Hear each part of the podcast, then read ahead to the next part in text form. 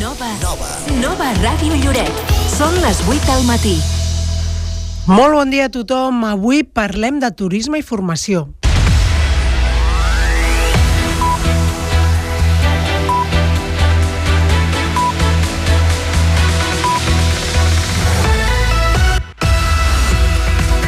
Dijous passat, en el marc del TTM, que és el Tourist Talent Management, es va presentar un estudi sobre l'activitat turística, les necessitats formatives del sector i l'oferta que hi ha actualment. Un treball elaborat per Maria Teresa Bosch Badia, doctora en Ciències Econòmiques i Empresarials, i que l'ha fet a través de la càtedra Climent Guitar. Avui parlarem amb ella per conèixer els detalls de l'estudi i quines en són les principals conclusions. Molt bon dia a tothom, avui és dilluns 4 de març i aquest és el tema de portada del Bon Dia Bona Hora d'avui, un programa en què hem preparat més contingut que ens avança ara mateix l'Eduard Lanzas. Molt bon dia, Edu. Hola, bon dia Maria, bon dia a tothom. Aquest divendres es commemora el 8M, el Dia de les Dones, i per saber-ho tot, que el que s'ha preparat aquí a Lloret de Mar, entrevistarem la regidora d'Igualtat, Míriam Rodríguez. I és que dins del programa d'actes de commemoració del 8M, aquesta tarda també es farà un taller de sol pelvià i n'escoltarem una de les ponents, Sara Marín. I recordarem també que a partir d'avui es començaran a repartir els productes menstruals gratuïts a les farmàcies. I en clau esportiva repassarem els principals resultats del cap de setmana per als equips lloretencs. Més coses, parlarem amb Xavi Forneguera perquè el lloretenc ha passat a les finals del Festival Mad Cool de Madrid.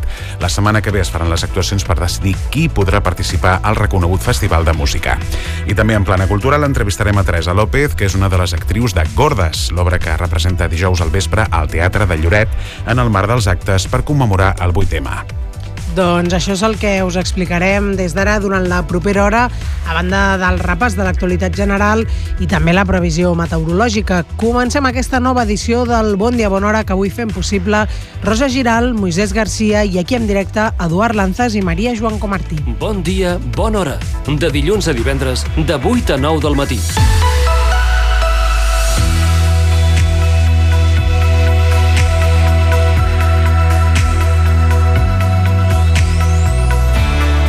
Passant ara més de dos minuts de les 8 del matí i el que fem és saludar en, en Xavi Segura, volem dir, amb tots els detalls de la informació del temps. Xavi, bon dia. Bon dia. La calma dominarà aquest primer dia de la setmana, en un dilluns aprofitable, amb força sol, tot i que l'apropament d'un front desgastat farà que a partir del migdia i sobretot durant la tarda i vespre augmentin les bandes de núvols, sobretot els i prims, que deixaran un cel una mica més variable, però sense més conseqüències i en principi sense precipitacions al llarg del dia d'avui, amb unes temperatures que es mantenen, si fa no fa, semblants, tot i que a primeres hores més fredes i de cara al migdia màxima que es mourà entre els 15 16 graus més o menys. Per tant, una jornada aprofitable. De cara a dimarts arribaran una mica més d'inestabilitat, no es descarta fins i tot alguna gotellada, alguna nuvolada que pugui deixar algun ruixat passatger, no només aquí a la zona de Lloret, de la selva marítima, sinó del nord-est de tot Catalunya. Per tant, una mica loteria, però hi ha aquesta opció de risc d'algun ruixat de cara al dimarts. Poca cosa, Gran part de la setmana serà més aviat de calma, a l'espera que potser a partir de divendres i durant el cap de setmana ens arribin noves borrasques que puguin portar més pluges. Doncs tant de bo que sí, Xavi, moltes gràcies. Ara mateix la temperatura molt baixa, aquí a Lloret 3 graus, la humitat la tenim al 76% i segons en Jaume Masdavall ens eh, indica que a Masvall almenys l'últim episodi de pluges ha deixat aquí a Lloret 19 litres per metre quadrat.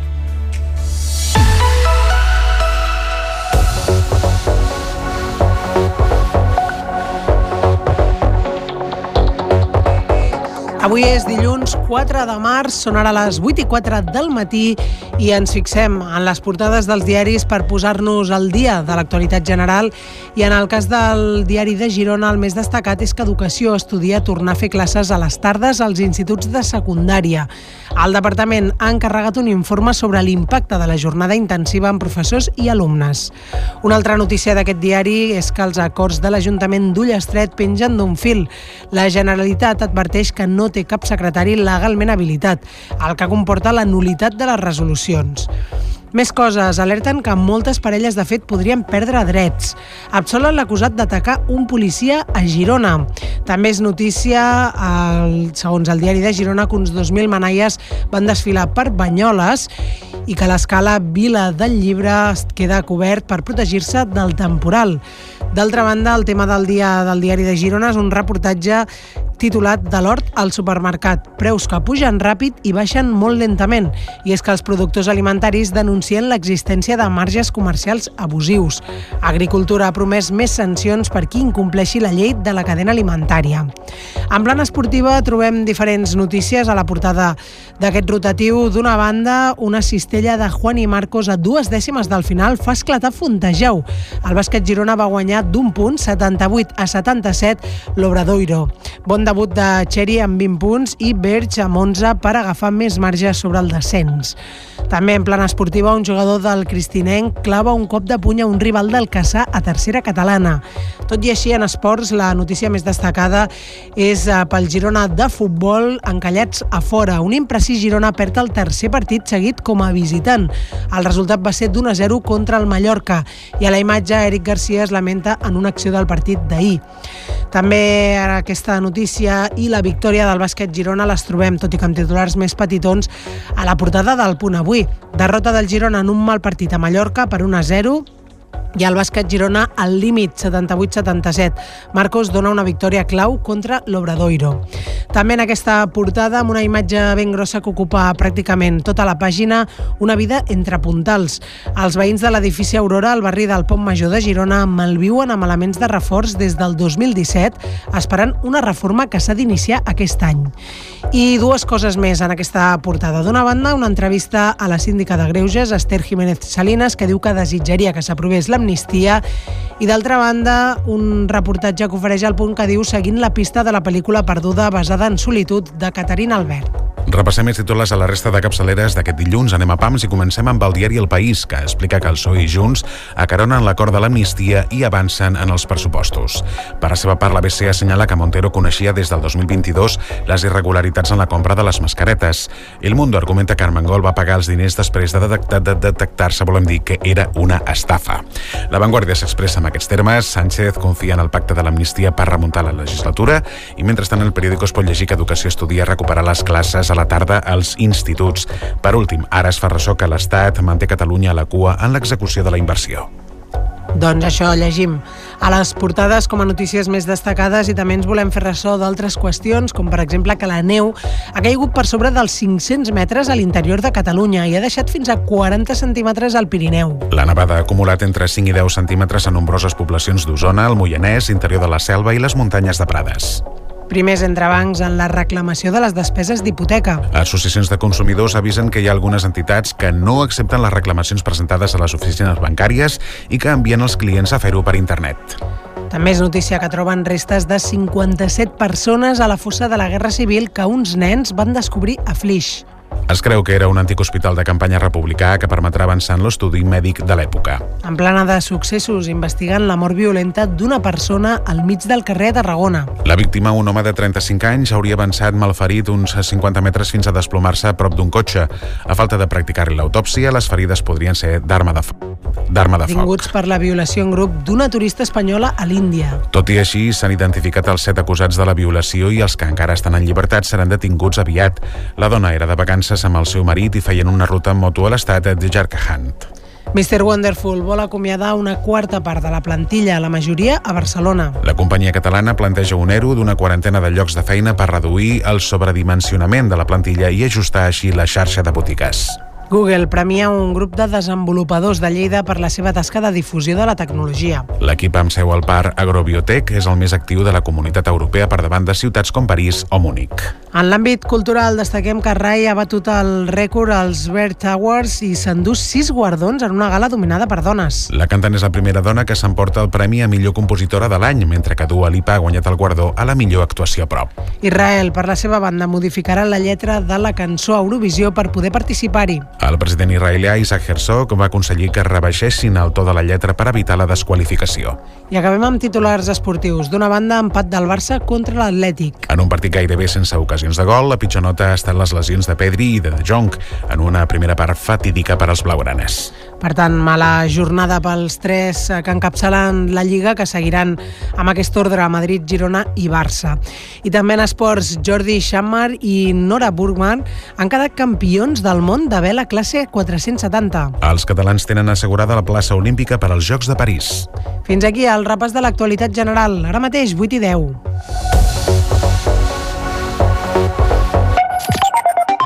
La miopía afecta en gran medida la calidad, bienestar y desarrollo personal de nuestros hijos. Ahora, frenar la miopía es posible gracias al nuevo equipo innovador de medida y supervisión y los métodos pioneros de que dispone Opticam. Opticam, especialistas en la detección precoz y control de miopía.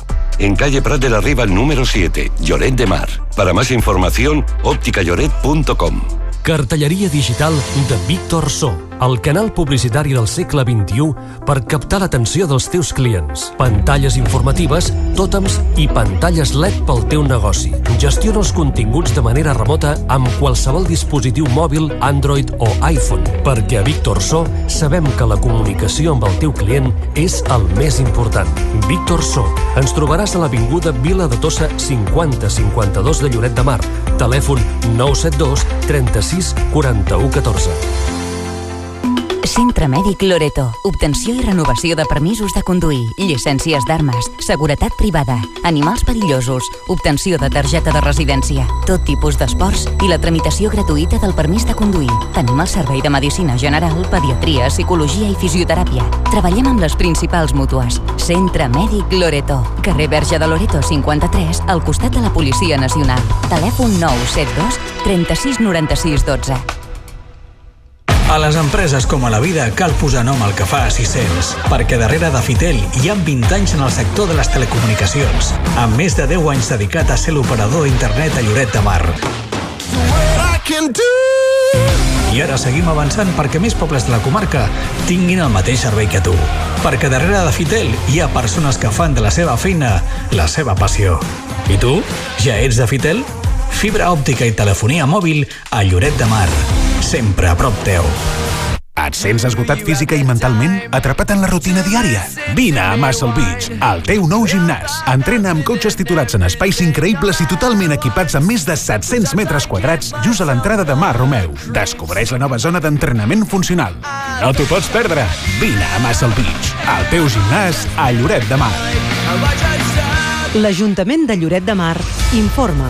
Lloret de Mar es troba en situació d'emergència 1 per sequera. Hi ha restriccions d'aigua en els usos urbans que afecten en el volum màxim d'aigua per habitant i dia. Restriccions en la neteja de vehicles, de carrers i mobiliari urbà. En el rec esportiu, de zones verdes, jardins públics i jardins privats. Està prohibit l'ompliment de piscines públiques, privades, comunitàries i les fonts ornamentals, així com l'eliminació de pols en l'aire amb aigua. La situació actual de falta d'aigua és molt greu i s'han de prendre mesures per estalviar aigua potable de forma immediata. Teniu tota la informació detallada al web lloret.cat. Els dilluns de 9 a 10 del matí disposem de tota l'equipació. Estics, pilotes, raquetes, banyador, bambes, guants, bicicletes, targetes, també, de tots els colors, grogues, vermelles, blaves... Els dilluns de 9 a 10 del matí parlem de tots els esports que es practiquen al municipi a Nova Ràdio Lloret. Escolta Lloret Esportiu amb Moisès Garcia. No t'ho pots perdre! Ràdio Lloret. Bon dia, bona hora.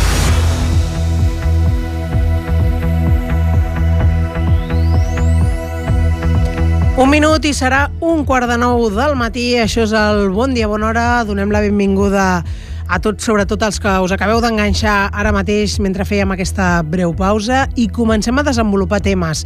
I el primer de tot és que la Càtedra Climent Guitar ha elaborat un estudi titulat L'activitat turística i les necessitats formatives del sector i quina és l'oferta actual. L'autora és Maria Teresa Bosch Badia, doctora en Ciències Econòmiques i Empresarials, que en va fer la presentació dijous passat en el marc de la tercera edició del TTM, el Tourist Talents Management, que un cop l'any organitza la Fundació Climent Guitar, la Fundació Jordi Comas Matamala i la Fundació SET.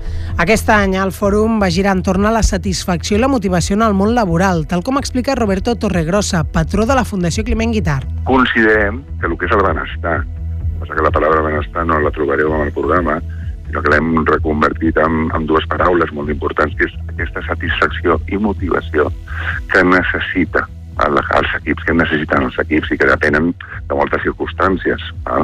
La clau, com sempre, doncs, la té eh, l'empresari, eh, també amb l'ajuda de les eines que et dona l'administració, sens dubte.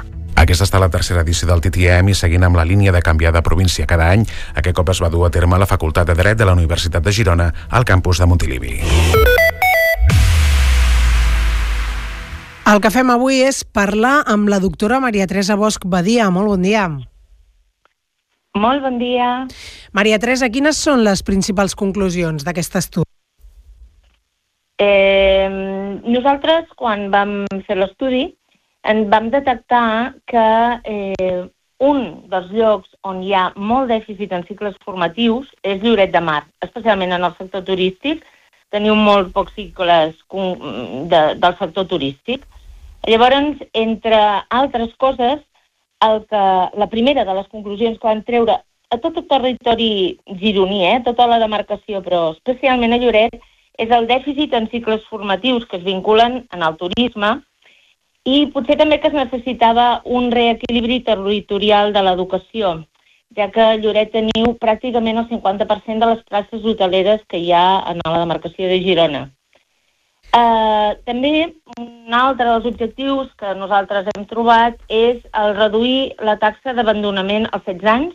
Lloret tenia una taxa d'abandonament als 16 anys de superior al 28% de l'alumnat i veiem la necessitat de despertar també vocacions en el sector turístic.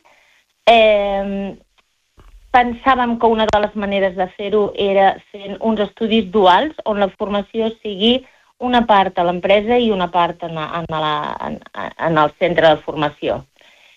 I mm, la creació de nous cicles formatius de grau mitjà que siguin atractius per als joves, amb una necessitat molt gran d'impulsar l'estudi d'idiomes, tant, eh, tant de l'anglès com del francès. I unit a aquest impuls dels idiomes, veiem una oportunitat social de posar en valor la multiculturalitat dels joves que teniu, mm, per exemple, a Lloret de Mar.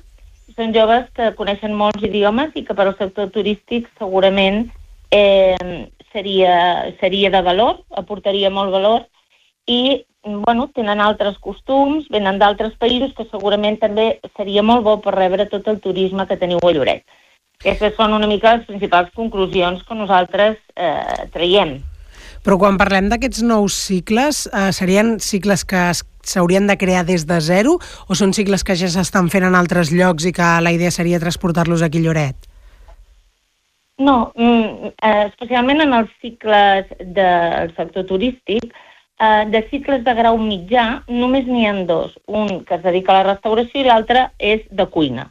Nosaltres pensem que als 16 anys fer-los especialitzar tant aquests nanos eh, són joves que no saben encara, no tenen edat tampoc de saber encara eh, a què es voldran dedicar. Per tant, creiem que haurien de ser de zero i s'haurien de crear nous cicles formatius de grau mitjà que fossin transversals i generalistes i que s'especialitzessin llavors en els cicles eh, de grau superior.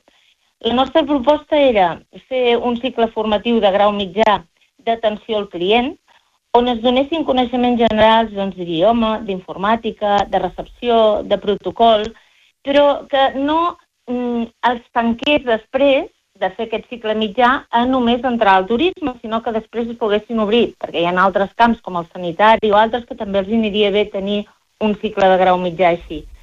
I un altre dels cicles formatius de grau mitjà de creació nova que dèiem important seria el de manteniment d'instal·lacions on tindrien coneixements generals doncs, de jardineria, d'electricitat, de climatització o de manteniment de piscines. I mm, això també els obriria per al sector turístic i després s'especialitzessin o els obriria també en altres camps. No? I això ha sigut, un, uh, una, una, ha sigut totalment unànim, per unanimitat, en tots els, en tots els estudis tant quan hem parlat i hem fet focus grups amb empresaris, tant de Lloret com d'altres llocs de la Costa Brava, com amb el professorat de cicles formatius d'arreu de Catalunya, com en les entrevistes que hem fet a directors d'instituts, tots unànimament eh, els semblaria una molt bona oportunitat la creació d'uns cicles més generals eh, i transversals, nous, totalment nous. I, Maria Teresa, quan parles del sistema dual que combina les pràctiques en empreses amb, amb la formació en el centre, això ara mateix no s'està fent? No són duals els cicles de turisme o quina és la situació? Eh, en, en el cas de Lloret, els dos cicles que hi ha, tant de cuina com de restauració, sí són duals, és eh, diferent el que seria, o nosaltres, eh, a, a nivell d'educació, considerem diferent el que serien les pràctiques d'empresa, que podria ser que tu fas els teus estudis i uns mesos fas pràctiques, o un temps determinat, i el que la nova formació dual que s'ha d'implantar en tots els cicles, que només hi és ara en alguns, que és eh, formació la meitat a l'empresa, la meitat en, en, en el centre formatiu. Però en l'empresa també hi ha formació, no només és pràctica en aquest cas. Mm. I quina possibilitat hi ha que tot això doncs, acabi convertir-se convertint en real, que s'ampliïn aquests cicles formatius, que es creïn aquestes propostes que feu a través de l'estudi?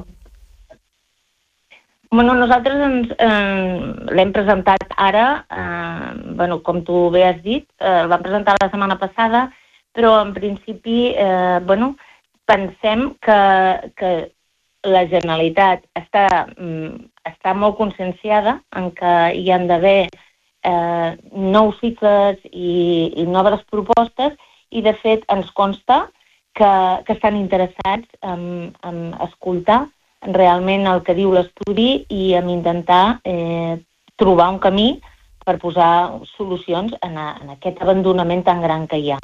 Fet, tot... ja han començat a fer alguna cosa ells, però ens consta que volen conèixer l'estudi. Mm. I, en tot cas, la presentació de dijous en el marc del TTM, com va anar? Ah, el dijous va anar molt bé.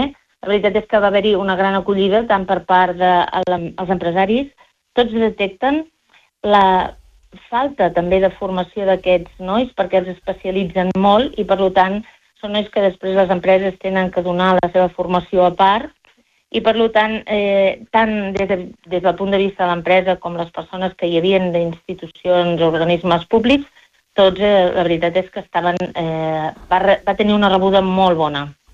Doncs ho celebrem i esperem que acabi arribant a bon port eh, i agraïm moltíssim Maria Teresa Bosch Badia doncs, que haver pogut repassar tots els detalls d'aquest de, estudi presentat, com dèiem, dijous passat. Moltíssimes gràcies i molt bon dia. Moltes gràcies a tu. Adéu-siau.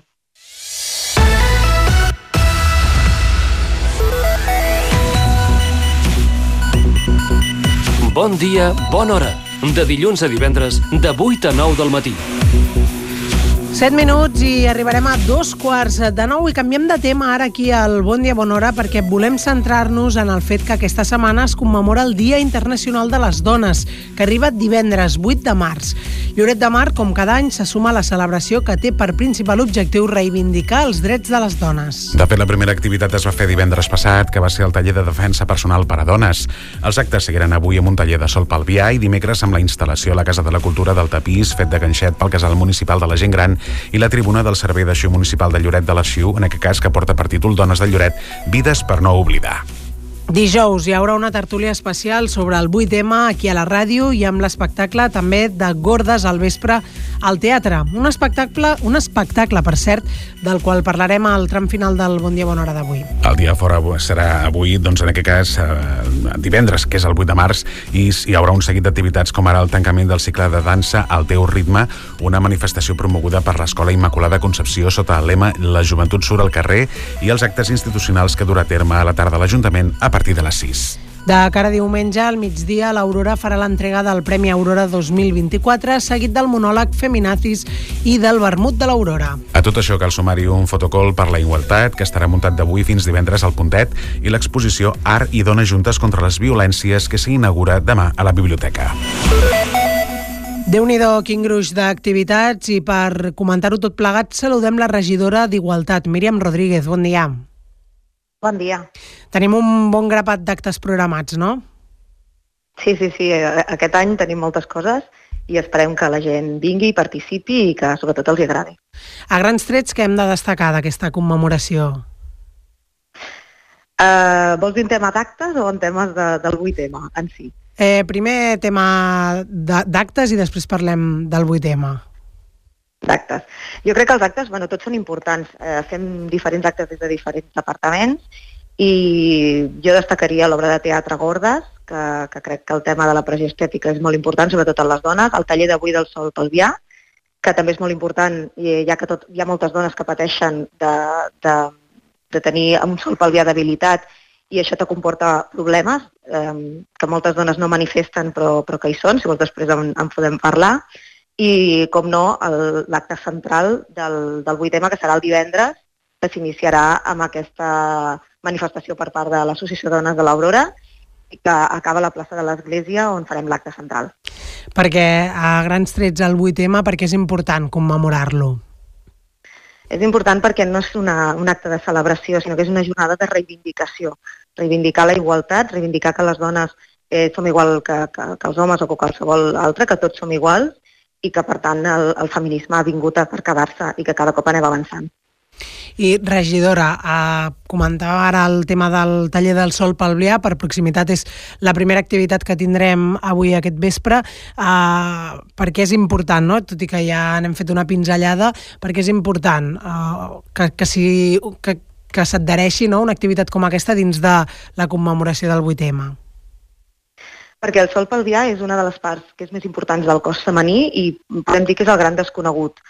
Són el conjunt músculs, lligaments que es troben a la base de la pelvis, que formen part del sistema core, i moltes dones eh, se'ls debilita, ja sigui pel pas del temps, ja sigui perquè han tingut un embaràs, llavors això comporta molts problemes com pot ser l'incontinència urinària. És un tema que no es parla, és un tema que moltes dones eh, els hi fa vergonya i és una mica tabú, i aquest any ens hem proposat treure temes tabús, que en puguem parlar, que puguin tenir una professional que els hi expliqui, que els hi doni consells i, i que tot es pot solucionar.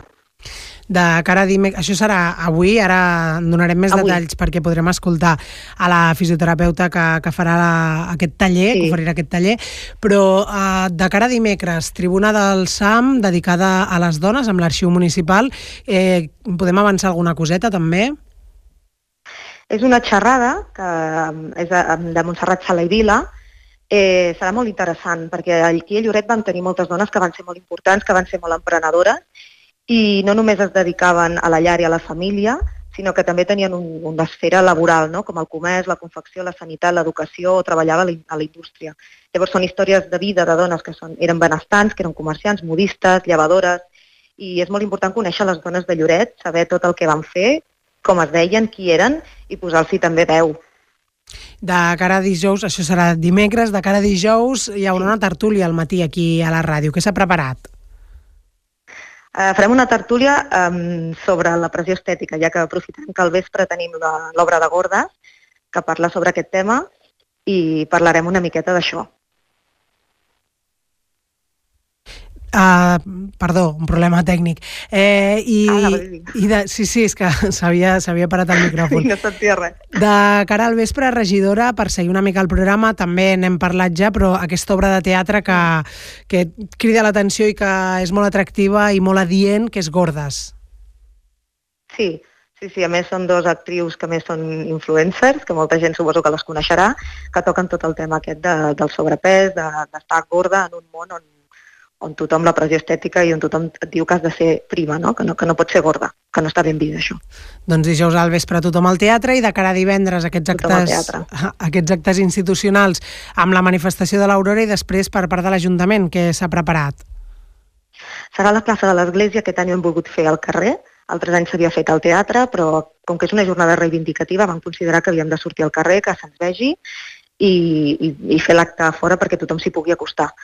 Llavors hi haurà un petit escenari, en aquí hi haurà actua alguna actuació, és que no sé si puc adelantar alguna cosa o ha de ser sorpresa, hi haurà alguna actuació, es llegirà el manifest institucional per part de l'alcalde i hi haurà també un tema de dansa. Doncs, en tot cas, de, deixem, eh, fent, havent fet aquesta pinzellada, deixem oberta una mica el factor sorpresa i també tothom doncs, divendres en aquest acte de commemoració del 8M i tota aquesta setmana farcida d'activitats. Agraïm moltíssim haver-les pogut anar comentant i, com sempre, molt important commemorar el 8M cada any. Míriam Rodríguez, regidora d'Igualtat, moltes gràcies per atendre'ns i molt bon dia. A vosaltres. Fins ara. Bon dia, bona hora. De dilluns a divendres, de 8 a 9 del matí. I ara són gairebé dos quarts de nou, sentirem ara els senyals horaris i volem seguir parlant de la commemoració del Dia de les Dones perquè avui mateix, com ja hem comentat, hi ha un taller dedicat al sol pelvià. Anirà a càrrec de dues especialistes en la matèria, com són Aida Garcia, llevadora de la Corporació de Salut del Maresme i la Selva, i Sara Marín, fisioterapeuta del Centre Salute.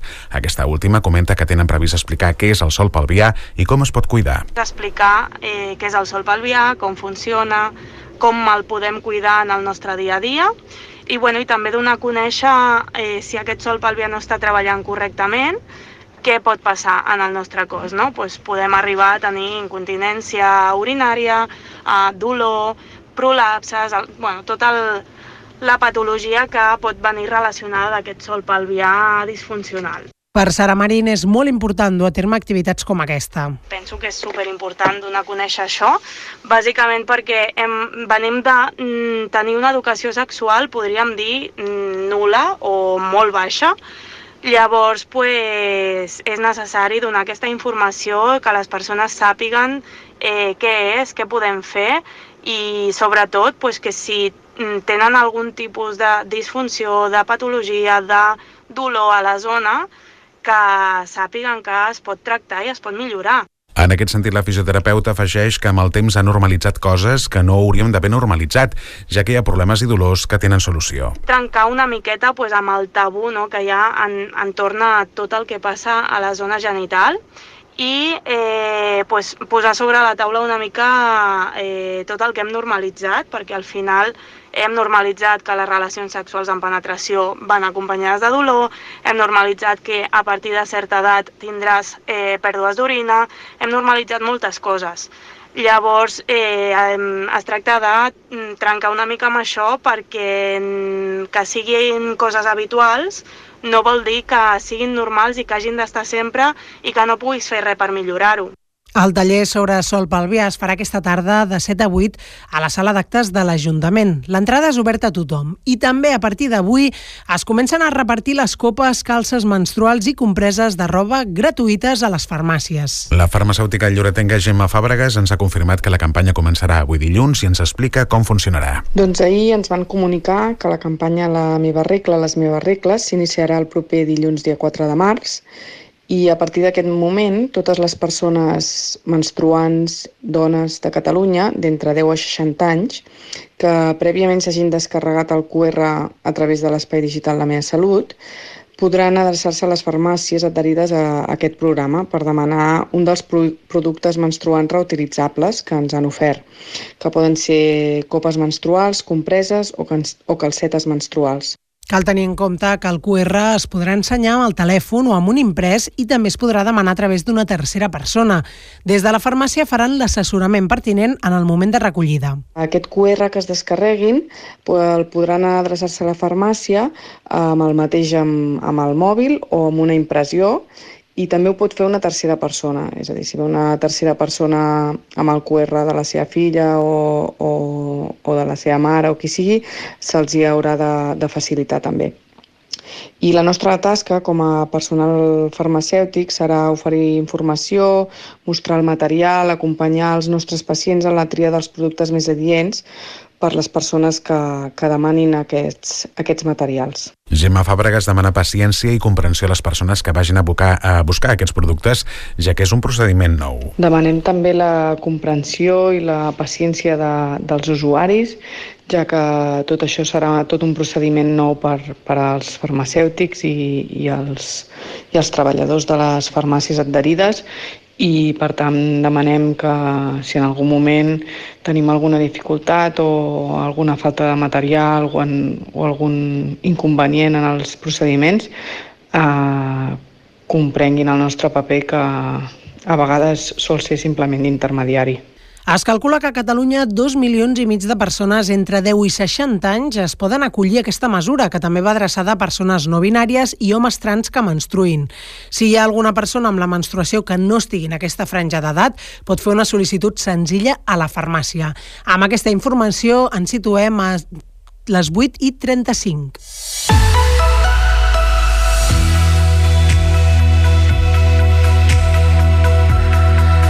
És el moment en què en Xavi Segura ens fa arribar tots els detalls de la previsió meteorològica per saber com es presenta aquesta setmana. Molt bon dia, Xavi. Bon dia.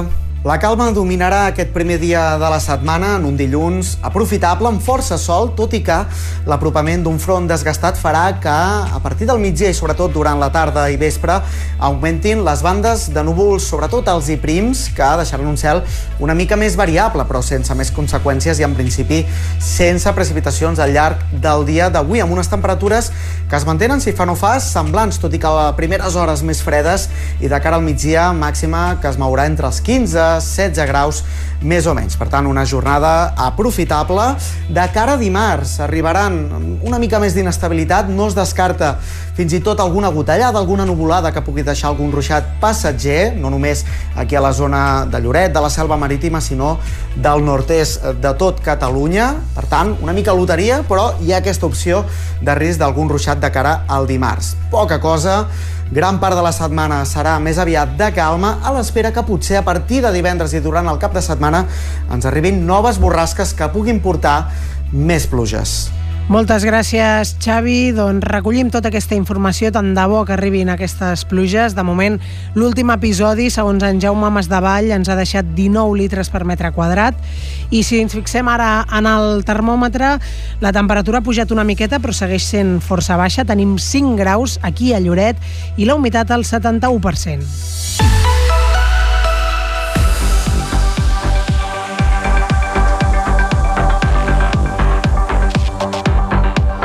I del temps, passem als diaris i ens fixem primer de tot en els de proximitat. A la portada del diari de Girona el titular principal és que Educació estudia tornar a fer classes a les tardes als instituts de secundària. També es fa ressò aquest rotatiu dels acords de l'Ajuntament d'Ullestret que pengen d'un fil. I és que la Generalitat adverteix que no té cap secretari legalment habilitat i això comporta la nulitat de les resolucions. D'altra banda, alerten que moltes parelles de fet podrien perdre drets. En successos absolen l'acusat d'atacar un policia a Girona. El tema del dia d'aquest rotatiu del diari de Girona és eh, avui per un reportatge que titula De l'hort al supermercat, preus que pugen ràpid i baixen molt lentament. I és que els productors alimentaris denuncien l'existència de marges comercials abusius. Agricultura ha promès més sancions per qui incompleixi la llei de la cadena alimentària. Més coses en aquesta primera pàgina del diari de Girona, en plana esportiva, un jugador del Cristinenc clava un cop de puny a un rival del Caçà a tercera catalana. I dues notícies que també trobem a la portada del punt. D'una banda, en futbol, el Girona va empatar, va perdre, volem dir, 1-0 contra el Mallorca, encallats a fora, titula el punt, mentre que el diari, titula el diari de Girona, mentre que el punt es fa ressò de la derrota del Girona en un mal partit a Mallorca. I en bàsquet, el bàsquet Girona al límit, guanya 78 a 77. En el diari de Girona eh, matisa que és Juan i Marcos a dues dècimes del final que fa esclatar Fontejau. I si tornem al punt avui, el titular principal és una vida entre puntals, i és que els veïns de l'edifici Aurora al barri del Pont Major de Girona malviuen amb elements de reforç des del 2017, esperant una reforma que s'ha d'iniciar aquest any.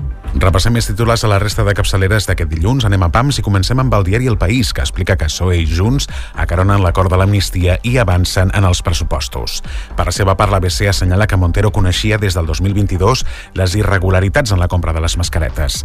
El Mundo argumenta que Armengol va pagar els diners després de detectar-se que era una estafa.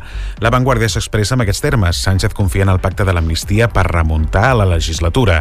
Mentrestant, el periòdico es pot llegir que Educació estudia recuperar les classes a la tarda als instituts i ara es fa ressò que l'Estat manté Catalunya a la cua en l'execució de la inversió.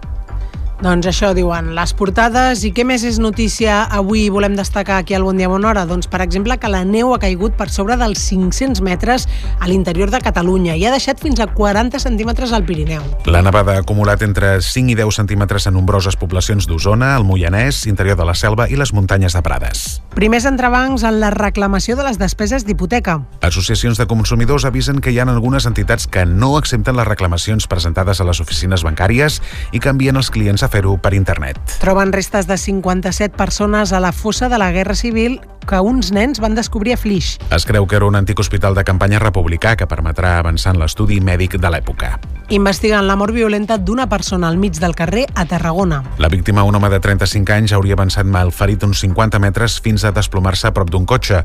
A falta de practicar-li l'autòpsia, les ferides podrien ser d'arma de foc. També en successos, quatre detinguts per la violació en grup d'una turista espanyola a l'Índia. Tot i així, s'han identificat els set acusats de la violació i els que encara estan en llibertat seran detinguts aviat. La dona era de vacances amb el seu marit i feien una ruta amb moto a l'estat de Jerkhand. Mr. Wonderful vol acomiadar una quarta part de la plantilla, la majoria a Barcelona. La companyia catalana planteja un ERO d'una quarantena de llocs de feina per reduir el sobredimensionament de la plantilla i així ajustar la xarxa de botigues. També en el sector de les empreses, Google ha premiat un grup de desenvolupadors de Lleida per la seva tasca de difusió de la tecnologia. L'equip amb seu al Parc Agrobiotech és el més actiu de la comunitat europea per davant de ciutats com París o Múnich. En plana cultura, el rei bat el rècord als Bert Awards i s'endú sis guardons en una gala dominada per dones. La cantant és la primera dona que s'emporta el premi a millor compositora de l'any, mentre que Dua Lipa ha guanyat el guardó a la millor actuació pop. Israel modificarà la lletra, la lletra de la seva cançó a Eurovisió per poder participar-hi. El president israelià Isaac Herzog va aconsellar que rebaixessin el to de la lletra per evitar la desqualificació. Acabem amb els titulars esportius. Empat del Barça contra l'Atlètic. En un partit gairebé sense ocasions de gol, la pitjor nota ha estat les lesions de Pedri i de Jonc, en una primera part fatídica per als blaugranes. I Jordi Xammar i Nora Burman han quedat campions del món de vela classe 470. Els catalans tenen assegurada així la plaça olímpica per als Jocs de París. Els diaris parlen de Lloret. D'una banda, el diari El Punt avui fa un reportatge de la UAP que és, eh, el que titula és Els estudiants gironins s'uneixen per la pau i diu que entre els mesos de gener i febrer, coincidint amb el Dia de la Pau, l'espectacle musical solidari UAP, llegit a la inversa es Pau, fa 15 anys que treballa per difondre els valors de la pau a través de la música i el teatre en més d'una quarantena d'instituts de les comarques gironines. És una notícia que ja vam tractar aquí a la ràdio i que podeu llegir a la pàgina 11 del diari El Punt. I a l'esportiu, que és el suplement d'esports del Punt, i veiem avui la classificació de la Lliga Elite, on hi ha el Lloret, que malauradament aquesta jornada ha perdut contra l'Europa B per 2 a 0 i baixa ara mateix el Lloret a la setena posició de la Lliga.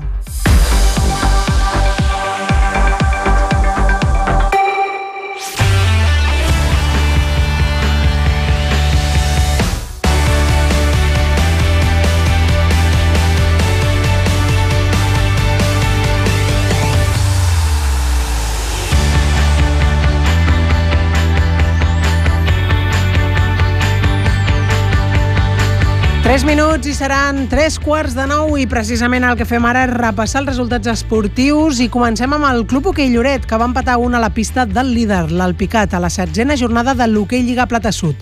L'equip de Xevi Cabanes va poder rescatar un punt en el segon temps amb una diana de Pol Auet. Va ser un partit molt igualat entre el primer i el segon classificat a la categoria.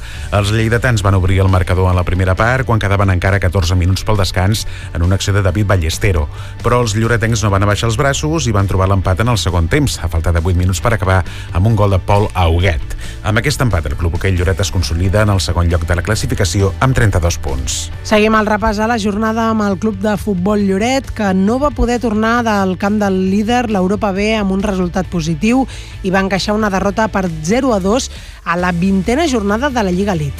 Els homes d'Albert Vallllosera, tot i l'ensopegada, continuaran una setmana més en zona de play-off descens. El partit va ser molt igualat durant la primera part, amb un Lloret que presentava diverses baixes importants per sanció.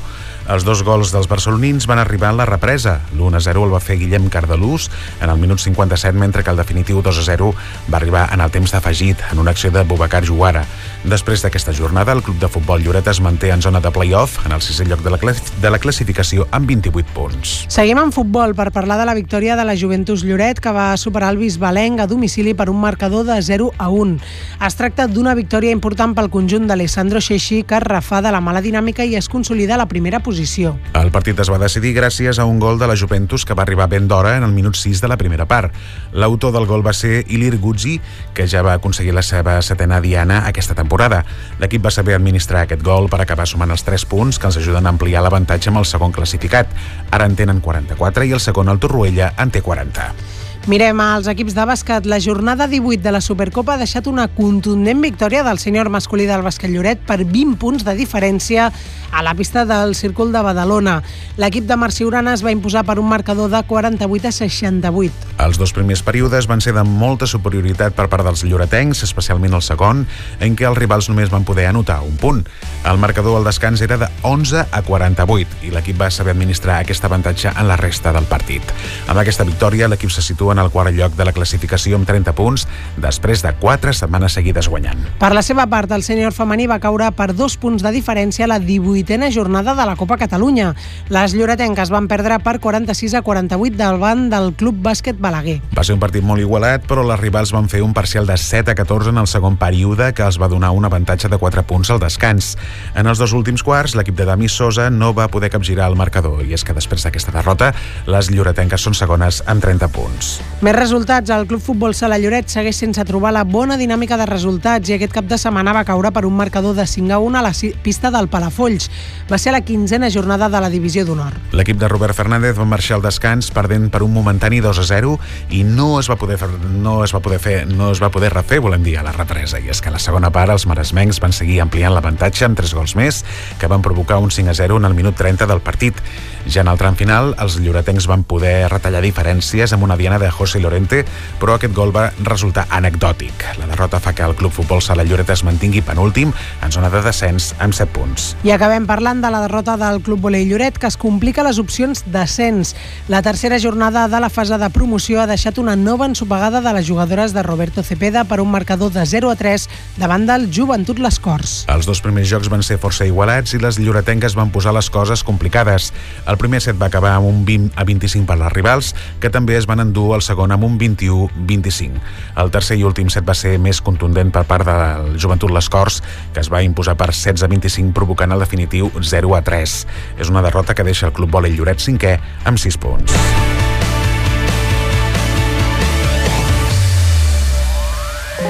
I feel empty. They already told me that shit is going to end with me.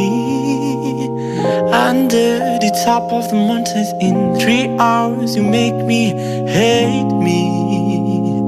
That something don't recognize me. I don't want. Passen dos minuts a tres quarts de nou i el que estem escoltant és Self Destruction de Xavi Fornaguera. Avui parlem d'ell perquè el Lloretenc està a un pas de poder actuar al Mad Cut Festival.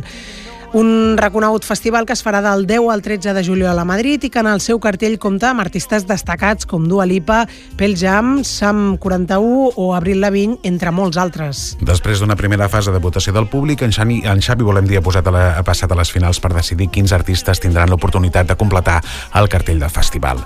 Aquesta fase compta amb 15 bandes finalistes que actuaran a l'Ula Club de Madrid entre el 13 i el 15 de març. And I think I have all my place. Aquí als estudis hi tenim en Xavi Fornaguera, molt bon dia. Bon dia, què tal?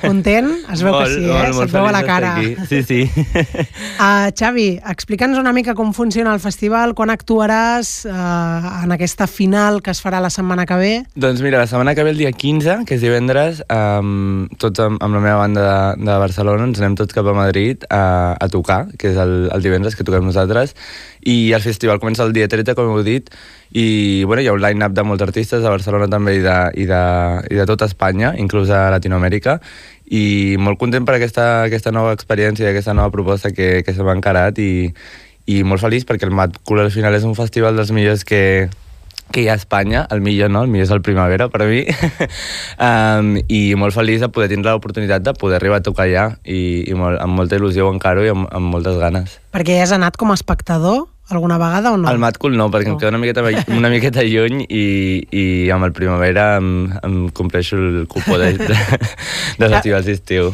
I Xavi, com funciona aquesta final? És a dir, qui, qui escull, quins seran al final i, i quants grups dels que actueu i pa, passen la fi, o sigui, actuaran al Mat Cool o com funciona? A veure si ho dic bé i no m'equivoco, però uh, passen sis grups, o sigui, sis de 15.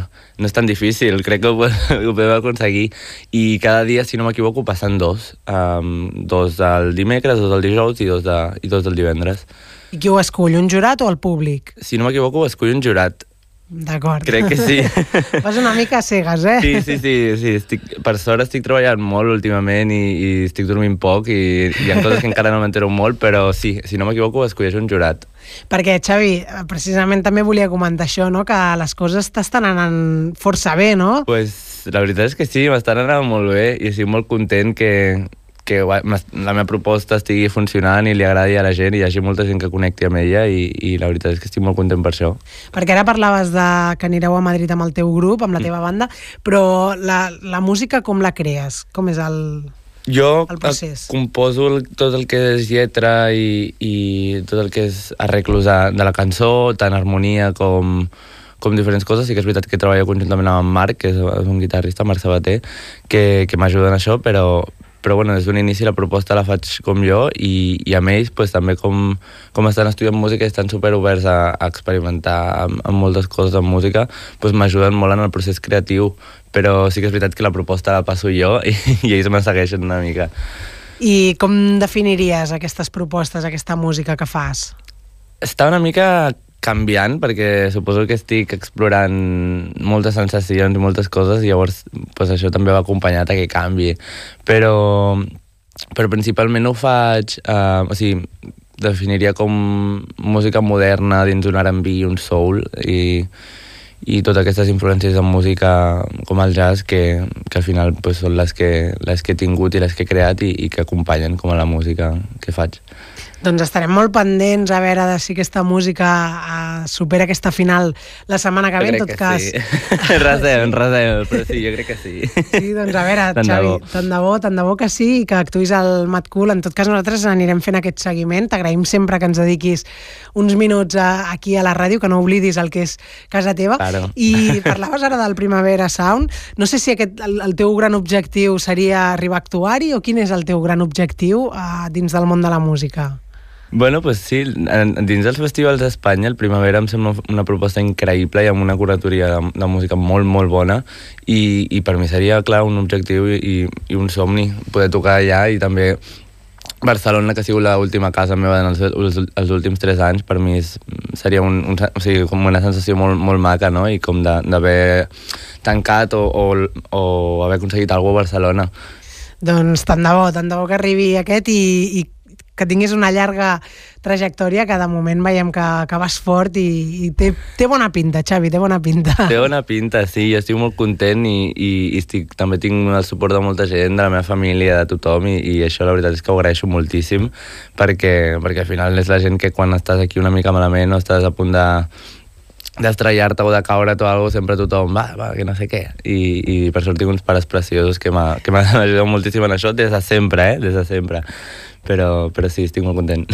Doncs, Xavi, uh, un plaer, un orgull tenir-te aquí a la ràdio i moltíssimes, moltíssimes gràcies per dedicar-nos, com dic sempre, uns minutets a nosaltres i que, que no t'oblidis de, Moltíssimes de casa. gràcies a vosaltres i a tots els lloretencs que van votar també per poder passar en aquesta fase i, i moltíssimes, moltíssimes gràcies al suport de, de la gent d'aquí al poble de Lloret. Doncs una abraçada molt forta i moltíssima sort. Parlarem aviat. Moltes gràcies. Bon dia, bona hora. Éxito en el amor. Me gustan las pibas como tú, gordas. Éxito en la vida. Ya saben ustedes cómo funciona este mundo, ¿no? Éxito, éxito, éxito. Estamos a dieta. Empezamos ayer. De un tío que va al gimnasio. ¿No te sabe como heterazo? ¡Qué fuerte! ¡Qué fuerte no, qué hija de puta! ¡Rellenita! El éxito es volátil. Es un globo que se hincha, se hincha, se hincha. Hasta acabar explotando.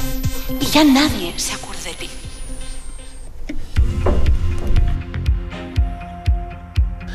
Hem escoltat un tastet de Gordes, l'obra de teatre que es podrà veure a Lloret aquest dijous dins els actes de commemoració del 8M al Dia de les Dones. Una producció de Bendita Inocencia dirigida per Carlos Mesa i protagonitzada per Mara Jiménez i Teresa López. Es tracta d'una comèdia irreverent sobre la fama, la religió, l'amor, l'amistat i, és clar el físic. En aquest sentit, dues dones grasses fan de dones grasses, però que ho poden ser tot. Gordes es pot veure al Teatre de Lloret aquest dijous 7 de març a les 8 del vespre. Les entrades 15 euros.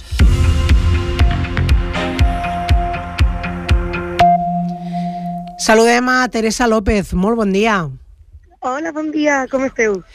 Teresa, com estàs tu i, i com es presenta aquest espectacle de Gordes dijous a Lloret? Ostras, pues tenemos muchísimas ganas de visitar Lloret, la verdad, estamos enamoradas de todo el público catalán, hemos tenido la suerte de poder actuar allí en un montón de, de situaciones distintas, en ciudades distintas, y la verdad que siempre ha sido una maldita maravilla. Así que nada, con muchitas ganas de que llegue el jueves para, para ir a darlo todo a Lloret. I nosaltres ganes que vingueu i explica'ns una mica què és el que veurem a Gordes.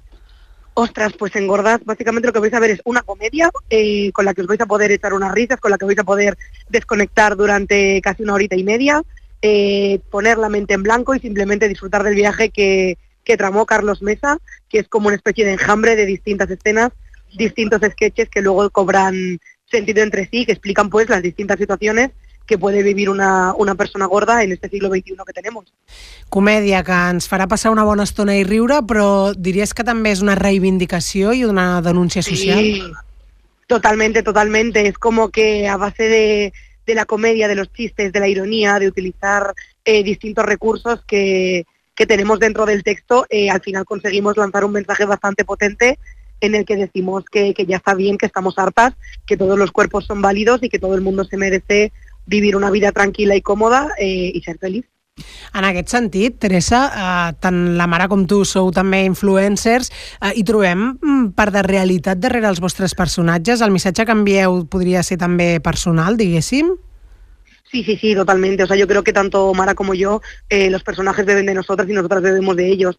Al final, el hecho de haber crecido como mujeres, adolescentes y niñas gordas, eh, pues es algo que te marca, es algo que, que te hace vivir distintas situaciones a lo largo de tu vida y que sin lugar a duda eh, forma parte de, la obra de teatro. Eh, Carlos Mesa, a la hora de escribirla, estuvo preguntándonos, eh, compartiendo con nosotras un montón de experiencias, le dijimos las distintas situaciones en las que hemos vivido, le hizo un trabajo de investigación súper profundo y súper interesante. Entonces, claro, eh, tenemos muchísimo que ver con todo lo que pasa encima de ese escenario. És a dir, la creació ja va ser amb vosaltres dues eh, com a eh? Sí, sí, sí, totalmente. Uh -huh. I què et sembla que aquí Lloret arribi en, en torn als actes del 8M, del Dia de les Dones? Pues me parece que es una elección súper acertada para poder reivindicar el, el valor de la mujer, el valor de todos los tipos de cuerpos, eh, la necesidad que tenemos de empezar a ocupar espacios, de empezar a ser eh, precursoras de nuestros propios proyectos y, y llegar a, a todas las partes. Al final creo que el teatro es una eh, herramienta maravillosa para poder plantar delante de la sociedad las inquietudes que tenemos a día de hoy las distintas personas creativas que, mm, que tenemos en el país. Así que me parece que ha sido un puntazo por parte de Lloret querer contar con nosotras, la verdad. Doncs eh, tenim moltes ganes de tenir-vos aquí al Teatre de Lloret aquest dijous a Teresa López, amb qui estem parlant acompanyada de Mara Jiménez amb aquest espectacle Gordes.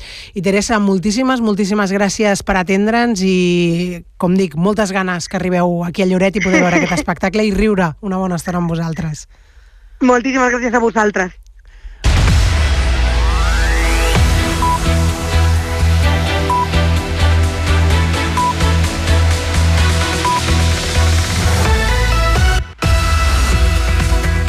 Dos minuts i són les 9 del matí, per tant, final del Bon Dia Bona Hora d'avui dilluns 4 de març, un Bon Dia Bona Hora en què hem començat parlant en plana turística per eh, fer-nos ressò d'un estudi presentat per la Càtedra Climent Guitart elaborat per Maria Teresa Bosch Badia, doctora en Ciències Econòmiques i Empresarials, sobre l'activitat turística, les necessitats formatives del sector i l'oferta que hi ha actualment.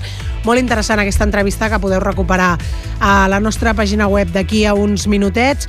I també al Bon Dia, Bona Hora d'avui hem parlat del 8M, el Dia de les Dones, que arriba aquest divendres, però que aquesta setmana compta amb un ampli ventall d'activitats aquí a Lloret de Mar. Les hem comentat amb Míriam Rodríguez, regidora d'Igualtat. També hem escoltat a Sara Marín, que és fisioterapeuta especialitzada en sol pèlvic i que avui farà un taller uh, juntament amb una llevadora de la corporació a l'Ajuntament de Lloret a partir de les 7 de la tarda per parlar sobre el sol pelvià i trencar tabús i també coses que tenim, donem per certes quan en realitat no han de ser així. Molt interessant aquest taller aquesta tarda. D'altra banda, també acabem de parlar amb Teresa López per l'espectacle Gordes, que també forma part d'aquest 8M i que es podrà veure dijous al Teatre de Lloret.